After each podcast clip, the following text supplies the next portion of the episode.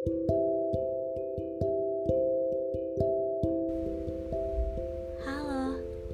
selamat malam. Aku Yuni dari Secret Letter. Malam ini, aku akan membacakan sebuah kisah dari seseorang yang ingin bercerita, tetapi tidak punya tempat untuk bercerita. Keluarga. Apa yang kalian pikirkan ketika kalian mendengar kata keluarga? Yang terbesit di dalam otak aku adalah sebuah keharmonisan. Iya, harmonis. Setiap orang di luar sana pasti memiliki impian sebuah keluarga yang harmonis.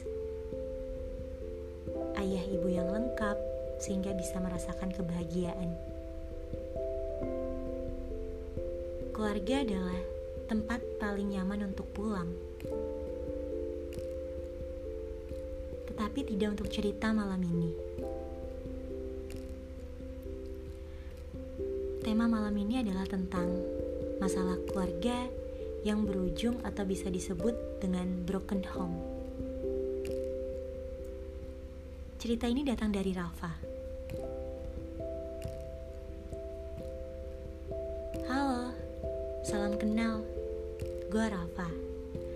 Gue saat ini 24 tahun. Gue bekerja di salah satu perusahaan swasta. Gue pengen cerita soal masalah keluarga yang gak tahu sampai kapan harus gue pendem.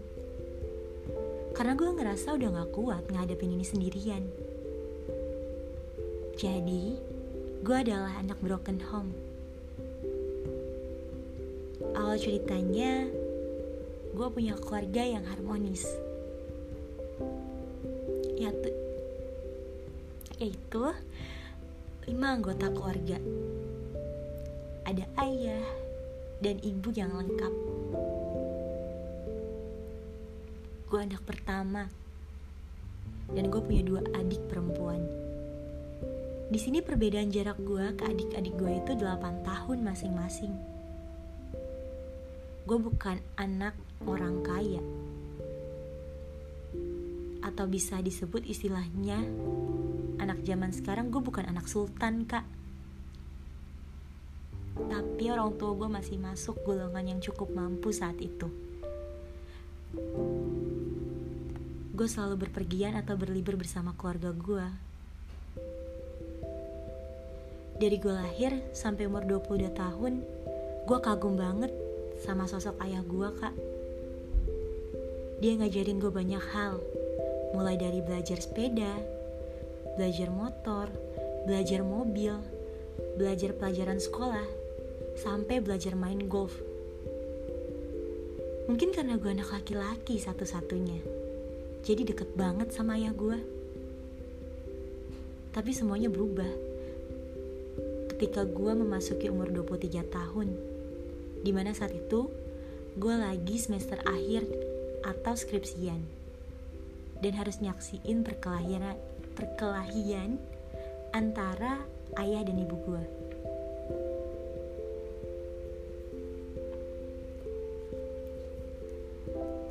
Yang gue lihat ayah gue mulai berubah. Jadi sering menginjak dunia malam dalam kurung mabuk-mabukan main perempuan. Bahkan sesekali gue sering ngeliat dia melayangkan tangannya ke arah ibu gue. Ibu gue cuma bisa nangis. Dan yang gue lakuin saat itu cuma bisa berusaha nengahin mereka. Seiring berjalannya waktu, nyokap gue gak kuat dan akhirnya mengajukan perceraian. Yang gak bisa gue terima sampai detik ini adalah ayah gue mengiyakan perceraian itu tanpa menjelaskan alasannya dan tidak memberikan nafkah atau sebagian hartanya untuk ibu gue atau bahkan anak-anaknya.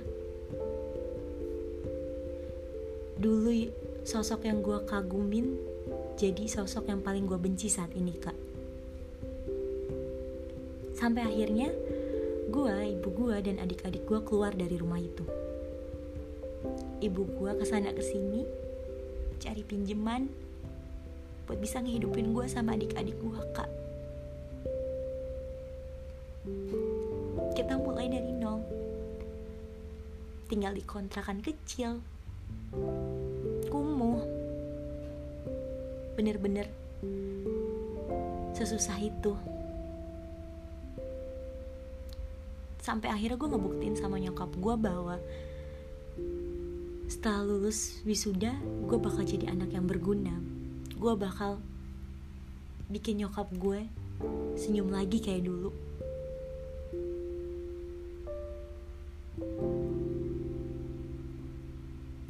Setelah itu satu tahun berlalu. Dan bener gue udah bisa bekerja. Gue bisa ngebantu nyokap gue dan nyekolahin adik-adik gue walaupun belum sampai di titik sama seperti dulu gue sama bokap gue kak.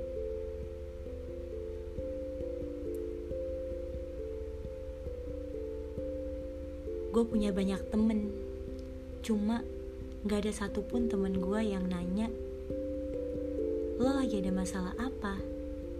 Lo lagi kenapa? Gak ada kak. Sampai gue ngerasa bahwa masalah ini benar-benar gak pernah selesai. Padahal udah berjalan kurang lebih satu tahun.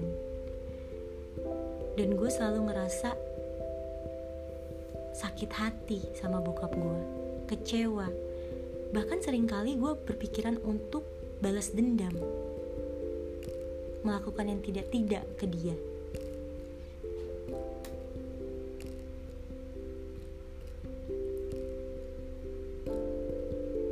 di saat gue pengen cerita sama temen gue gue datang ke tongkrongan. Mereka malah ngajak gue main futsal malah ngajak gue keliling puncak. Padahal gue pengen banget cerita ke mereka cuma mereka nggak ngasih kesempatan itu ke gue jadi gue nggak pernah bisa cerita sama mereka. Sampai akhirnya gue menarik diri untuk keluar dari circle itu kak dan gue bener-bener kayak fokus kerja aja. Gue bener-bener fokus buat ngehidupin nyokap gue supaya dia bisa balik senyum kayak dulu lagi. Terus malam ini gue ke trigger lagi kak. Karena nyokap gue nangis bilang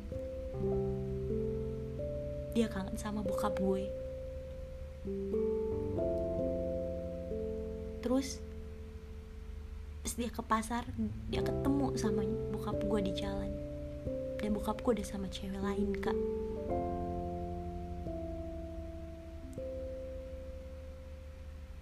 Dan gue bener-bener kayak kesel banget kak. Gue bener-bener kayak udah gak sanggup buat hidup. Tapi gue masih mikirin ibu gue adik-adik gue gue ngerasa bahwa gue gak berguna banget jadi anak. Apalagi gue laki-laki. Gue gak bisa ngelakuin apa-apa buat nyokap gue kak.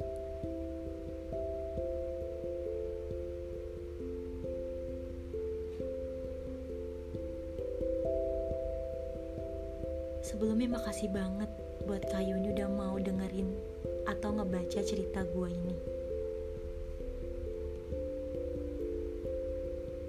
Makasih udah jadi pendengar yang baik buat gue ya kak.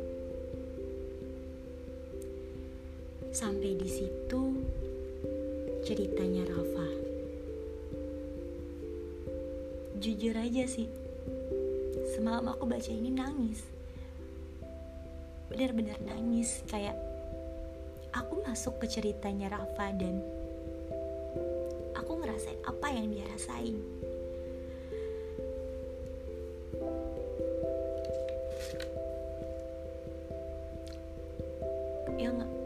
tangkap di sini Rafa adalah sosok anak laki-laki yang tangguh dan bertanggung jawab.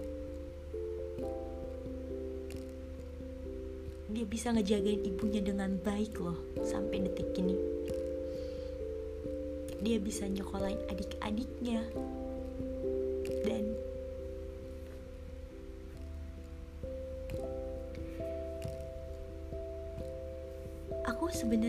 sebenarnya gak mau ngejudge ayahnya Rafa. Cuma di sisi lain aku nggak tahu apakah ayahnya Rafa punya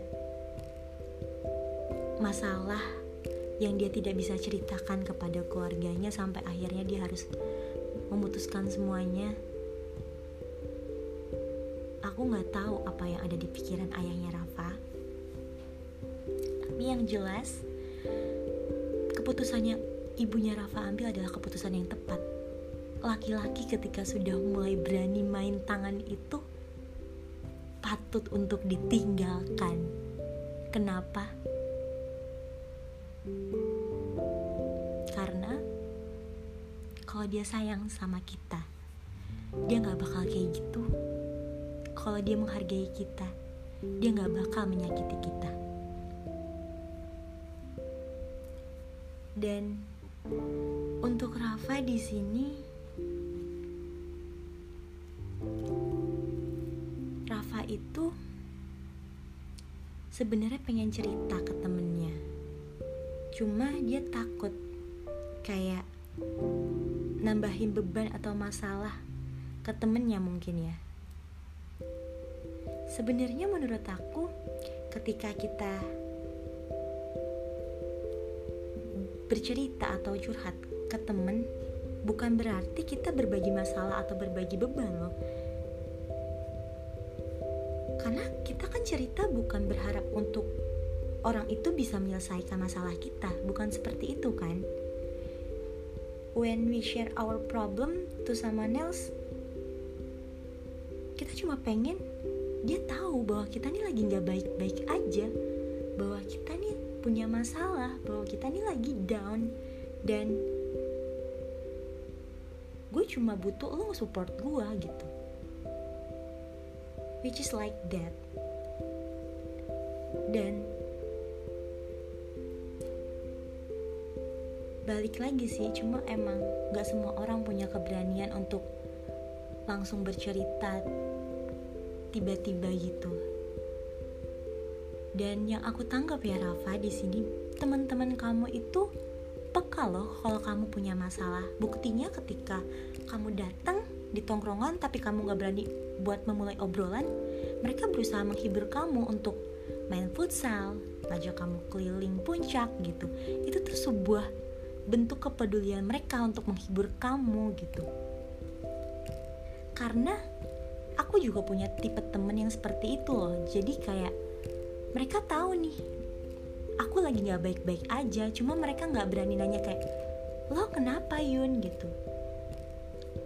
Lo lagi ada masalah Yun. Mereka bukan tipe yang seperti itu. Mereka lebih ke yang oh mungkin Yuni belum siap untuk cerita jadi ada baiknya gue berusaha menghibur sebisa gue gitu.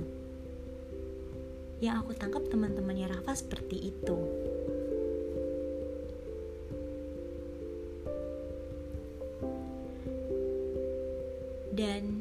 cuma mau ngingetin satu hal sih Rafa bahwa tanpa orang jahat kita tidak pernah tahu arti menjadi manusia baik. Ngerti nggak? Paham nggak maksudnya? Jadi kayak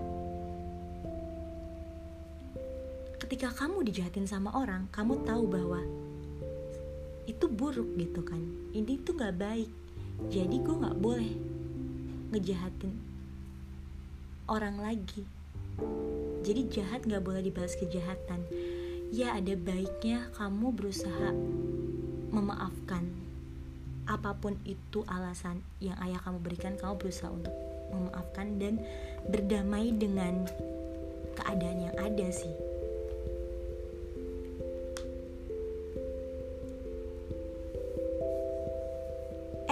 sulit sulit banget untuk berdamai dengan keadaan yang ada itu. Cuma baik lagi dia adalah ayah kamu. Kamu gak boleh punya dendam sama dia. Sejahat apa pun dia siapa pun dia orangnya kamu gak boleh punya dendam sama orang lain.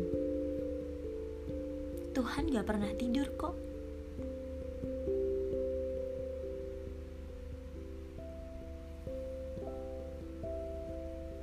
Jadi jangan pernah berhenti untuk berbuat baik sekecil apa pun itu. Biarpun orang itu jahat sama kita, jangan dibalas jahat lagi. Intinya kalau aku ada di depan kamu sekarang, aku cuma bisa megang pundak pegang pundak kamu sambil bilang, "Kuatin lagi ya pundaknya." Karena masalah yang kamu akan hadapi ke depannya jauh lebih berat. Dan ketika kamu menghadapi masalah yang lebih berat itu kamu harus bisa nengok ke belakang. Kamu udah bisa ngelewatin masalah-masalah sebelumnya. Jadi kamu udah terbiasa. Sampai sini paham gak Rafa apa yang aku ucapin? Semoga kamu paham ya sekarang untuk temen-temen yang lagi ngerasa sendirian yang lagi punya banyak beban di pundaknya, tolong banget dengerin ini. Anggap aja aku ada di depan kalian saat ini. Terus aku megang pundak kalian sambil bilang, Gak ada satupun manusia di bumi ini yang selalu bahagia setiap harinya. Gak pernah ada. Kenapa? Karena kita cuma manusia biasa. Kita punya atau kita bisa merasakan emosi baik atau buruk. Dan itu semua adalah garis yang telah Tuhan buat. Jadi ya kalau kamu hari ini sedih hari ini kamu down hari ini kamu lagi ngerasa gak baik-baik aja atau lagi gak bahagia ya itu wajar itu normal tapi kamu harus sadar bahwa I'll be there for you gitu. Bukan aku doang maksudnya kayak di, di sekeliling kamu tuh pasti ada orang-orang yang merhatiin kamu dan ada orang-orang yang selalu ada buat kamu. Cuma kamunya nggak sadar gitu. Orang-orang itu nggak kelihatan sama kamu tapi mereka melihat kamu bahwa kamu sedang tidak baik-baik saja. Dan kamu harus terbiasa untuk memulai lebih dulu mendekatkan diri pada mereka dan bercerita kepada mereka. Ini gimana ya? Ini gimana ya? Kayak gitu. Jadi, tetap semangat buat menjalani hidup ini karena dunia memang sekejam itu. Kita harus sabar-sabar dan tetap semangat, tetap kuat. Keep fighting. Buat teman-teman yang punya masalah bisa langsung kirimin ceritanya aja di Instagramnya Secret Letter yaitu at secretletter 2021 atau bisa lewat email di at 82 at gmail.com Semoga yang jauh bisa menjadi dekat, yang dekat tambah dekat, dan semoga aku dan kamu bisa menjadi kita. Aku Yuni dari Secret Letter, pamit undur diri. Selamat malam.